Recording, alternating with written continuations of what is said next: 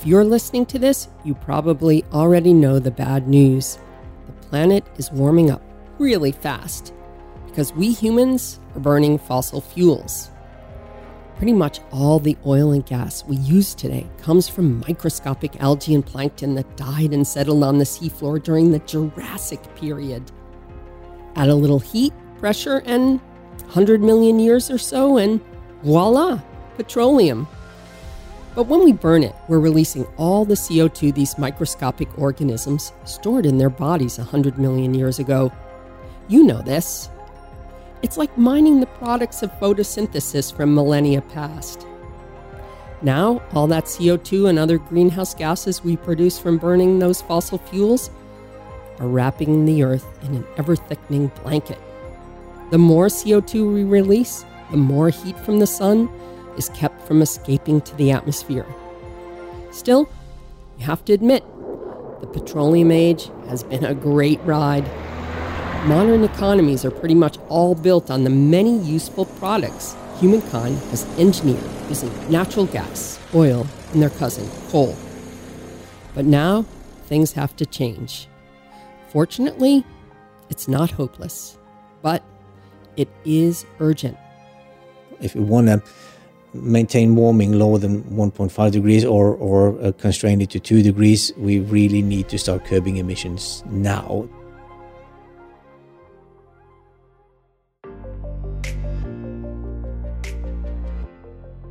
I'm Nancy Bazilchuk, and you're listening to 63 Degrees North, an original podcast from NTNU, the Norwegian University of Science and Technology. Today, I'm going to look at climate change and what the Intergovernmental Panel on Climate Change, the IPCC, says we can do about it. Anders Hammer Strømman, a professor at NTNU's Industrial Ecology program, who was one of the lead authors for the IPCC report released in April, and who you heard in the introduction, will be our guide. We'll talk about why cutting carbon emissions quickly is a little like skiing up a big mountain. How battery companies need to come clean when it comes to how they make their products. Why some version of a home office could be good for the planet, and why your individual choices actually make a difference. But first, a little background.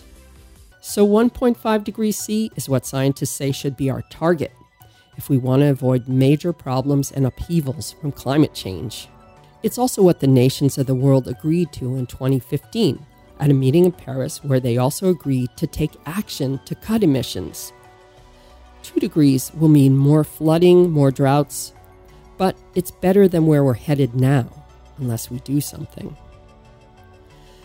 The IPCC report from April that Anders was involved in was the third of three reports from a broad international group of scientists who have assessed and summarized the best research on climate change. The first report from Working Group 1 looked at the physical basis of climate change. It was released in August 2021. Bottom line, the report said that humanity was unequivocally to blame for major and unprecedented changes to the climate that were already being observed and felt.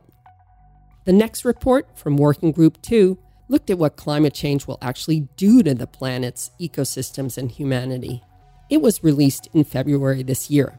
It basically said, you can run, but you can't hide. That led Antonio Guterres, the UN Secretary General, to say, I've seen many scientific reports in my time but nothing like this. Today's IPCC report is an atlas of human suffering and a damning indictment of failed climate leadership. Yep, pretty grim. But those two reports set the stage for the report we'll look at today from Working Group 3. It was published on April 4th this year and described a huge range of options that countries can enact to cut greenhouse gas emissions. That's the good part. Although it gave policymakers lots of tools, it also found that nations weren't moving fast enough. Here's Antonio Guterres again. The jury has reached a verdict, and it is damning. This report of the Intergovernmental Panel on Climate Change is a litany of broken climate promises. It is a file of shame, cataloguing the empty pledges that put us firmly on track towards an unlivable world. We are on a fast track to climate disaster. Major cities underwater, unprecedented heat waves, terrifying storms, widespread water shortages, the extinction of a million species of plants and animals. And this is not fiction or exaggeration. It is what science tells us will result from our current energy policies. On that cheery note, let's get down to business. First of all, why is it so urgent that we act now? What's at stake? Well, it comes down to something called net zero. Net zero is pretty much what it sounds like. It means cutting greenhouse gas emissions to as close to zero as possible. Anders explains. It's only until we reach net zero CO2 emissions that the temperature will stabilize. Because if we think of air pollution, for example, we're used to thinking of emissions as something that, you know, during a pandemic, transport stopped, and you can see basically the air clearing and the emissions went away, right? But that's not how it is with CO2.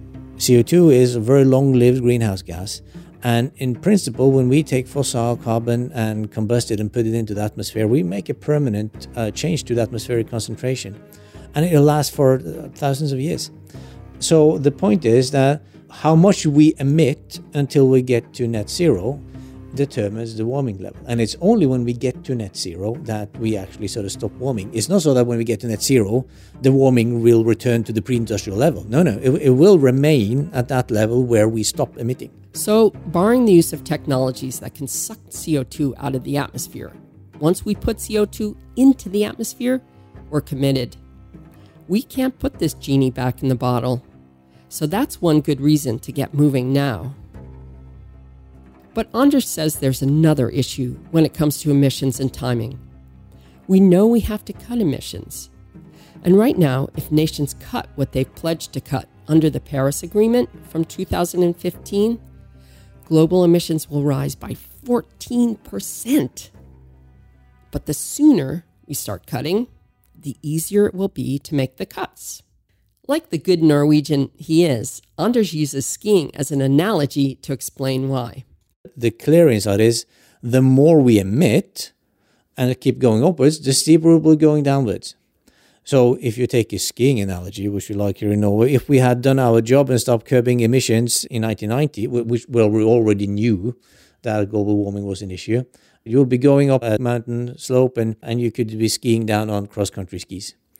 Now you basically you you can probably get up using randonnée skis with skins but you probably would need some proper alpine downhill skiing boots to be able to ski down. And at 1.5 degrees, you might need clubbing equipment for some of those steps. So we're, we're put ourselves into a bit of a tricky situation, and the gradient of our reduction is, is quite steep. But we also say it's doable, right? We do have options that can do it, and that's sort of the the positive side. And it can be done, but then we can't keep climbing upwards. We really need to get going downwards. Not only that, it's not just Norwegians on skis. Everyone faces the same steep slope for cutting emissions. Uh, it's really as a society because it's not just one person that's going down, it's everybody going downhill at the same time. And, and that means it needs to be done in a coordinated manner, right?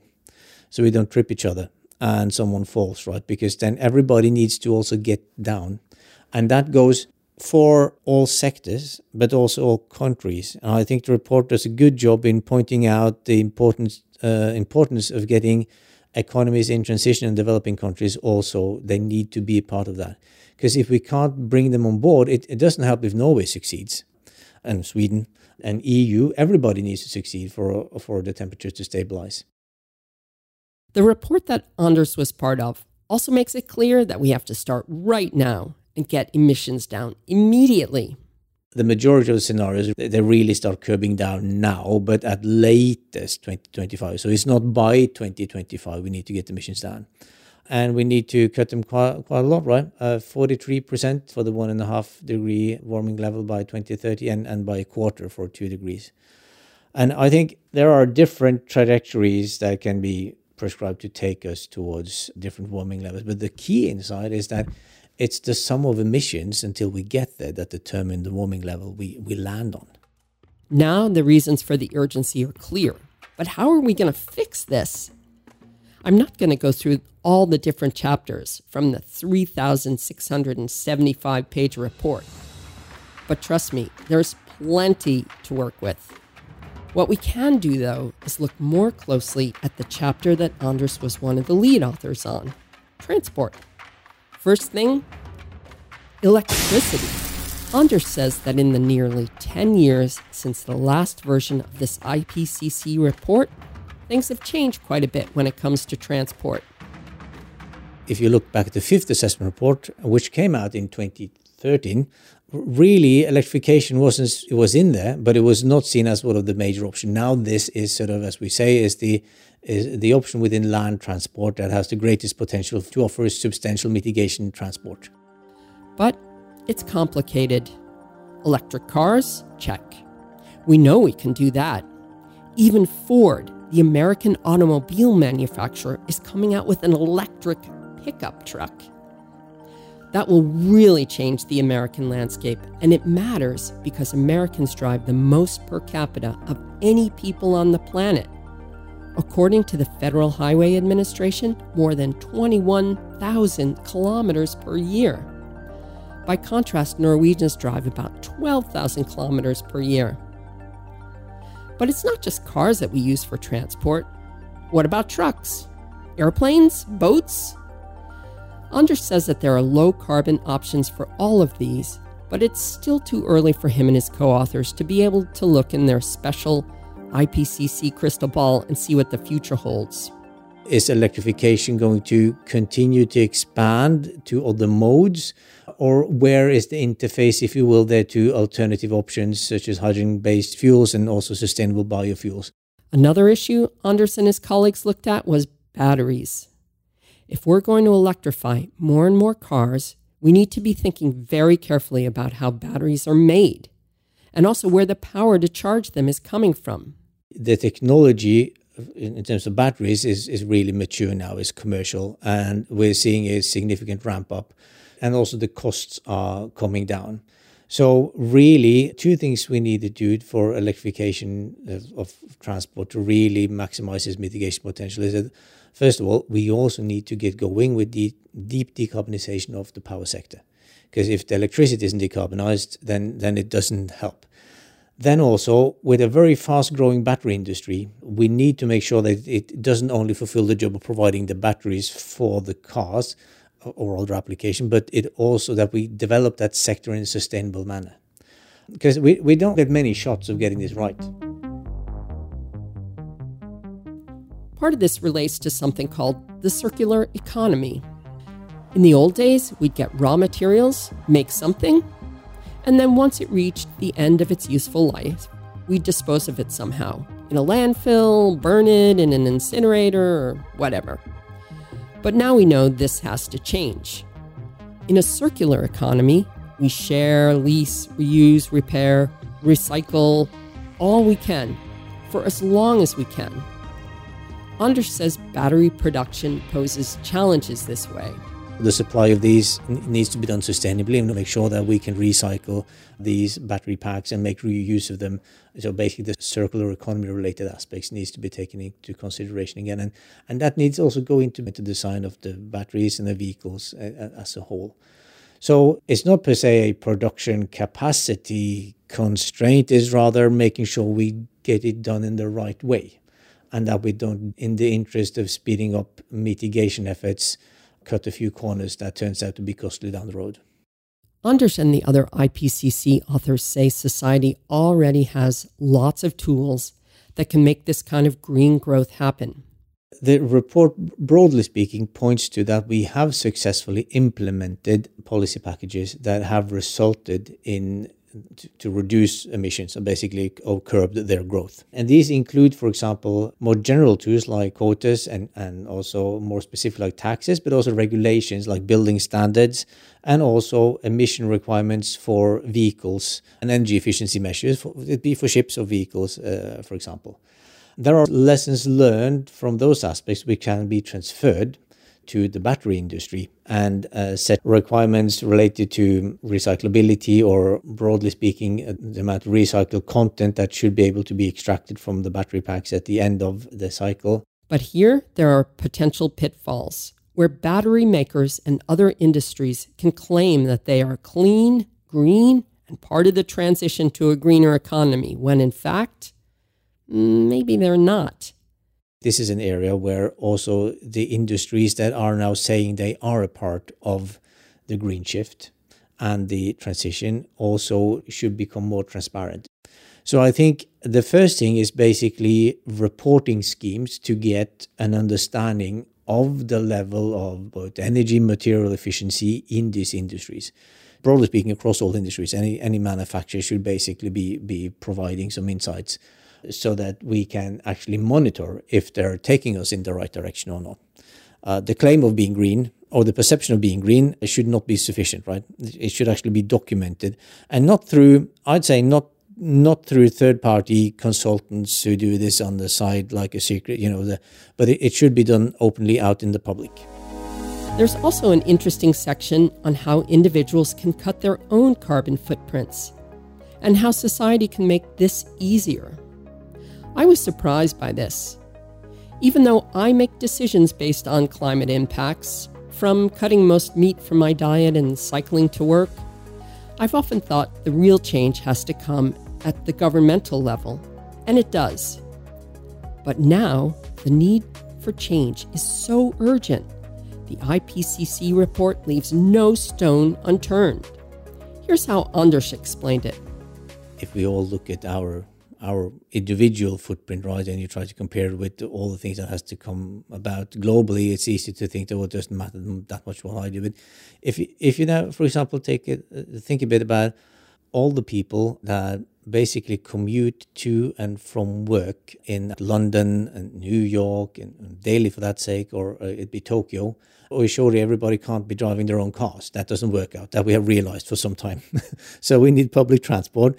But then, you know, uh, evidently, if if there's not that many who's traveling, the travel demand, we don't need all that infrastructure. And there you have these concepts like teleworking, which I think is is not the same as home office, but it's basically about facilitating that. Let's say one have uh, uh, hubs of offices around the city and the ability to basically do remote work closer to your home. Uh, perhaps in walking distance from the kindergarten and or your house or at least a very short commute compared to the two-hour commute in and out of uh, London, you know, city of London. That would save time. It would save probably, you know, be welfare gain for many families. It will also reduce the energy demand for transport and also the need for infrastructure to do that. Society would play a part here too in restructuring work situations to reduce the need to commute so much.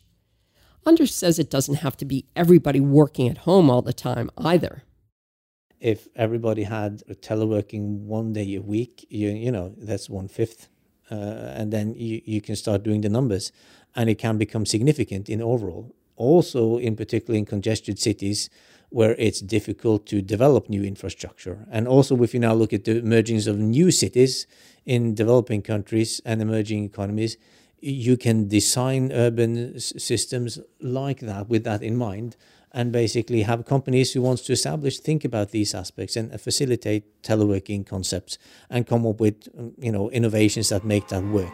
So bottom line i wondered what anders thought about the likelihood of us succeeding. He started this process of working with the ipcc report in 2019 he's looked at all the science that says how we can save ourselves from broiling to a crisp but does that mean we can and will make the shift? We, we know the contours of how a zero emission power system looks like, how we can bring down emissions in transport, and also what needs to be done in industry. So there's sort of no, uh, we, it's not that we don't know what to do. It's rather that we need to come to agreement of getting started and, and how to do it and how to share the cost. And, and not the least, action across all sectors, but also across all, all countries, and the real importance of bringing the developing and emerging economies with us in, in this transition. Because we have options across all sectors that can allow us to cut emissions in half by 2030. And I think we really now just need to make the work to jointly to make that that happen. Do you still have hope?